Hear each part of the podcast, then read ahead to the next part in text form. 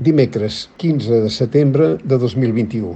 A punts al natural, un espectacle sòrdid. U al cop. Junts per Catalunya ha decidit rebentar l'estratègia d'Esquerra Republicana i deixa el govern independentista de potes en l'aire. I ho ha fet amb un atac directe a l'autoritat del president de la Generalitat, la màxima figura institucional de Catalunya. Si resseguim les peripècies viscudes des de les eleccions del 14 de febrer, no ens pot sorprendre gaire. Tots recordem l'humiliació a la que van sotmetre Pere Aragonès, que va necessitar tres intents per ser investit, buscant ja debilitar-lo abans de començar. Per Junts per Catalunya és insuportable la idea de que el president de la Generalitat no sigui seu, per raons simbòliques, però sobretot per raons pràctiques. Junts és una amalgama de forces tan diverses que tenir la presidència de la Generalitat és fonamental per garantir la seva cohesió.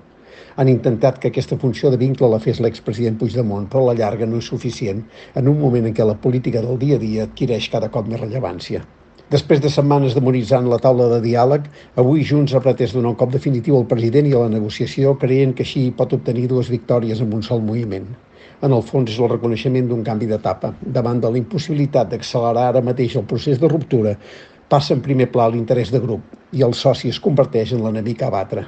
Pere Aragonès ha reaccionat amb contundència. Té l'oportunitat de dissipar els dubtes sobre la seva autoritat. Tanmateix, el marge per aconseguir la lleialtat dels presumptes aliats és petit. La capacitat autodestructiva de l'independentisme és considerable, molt sòrdid tot plegat. Dos, l'oportunitat. I tanmateix hi ha oportunitats que no es poden deixar escapar. Una negociació entre governs és un precedent pràctic i simbòlic que cal explorar.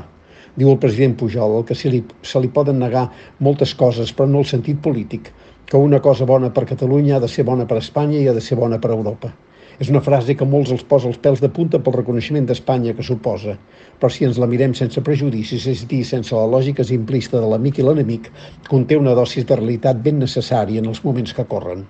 Es pot declinar així, el referèndum només serà possible en unes circumstàncies en què Espanya es pensi que també pot ser bo per ella, i en aquest moment caldrà trobar una solució que sentin com beneficiosa a totes les parts.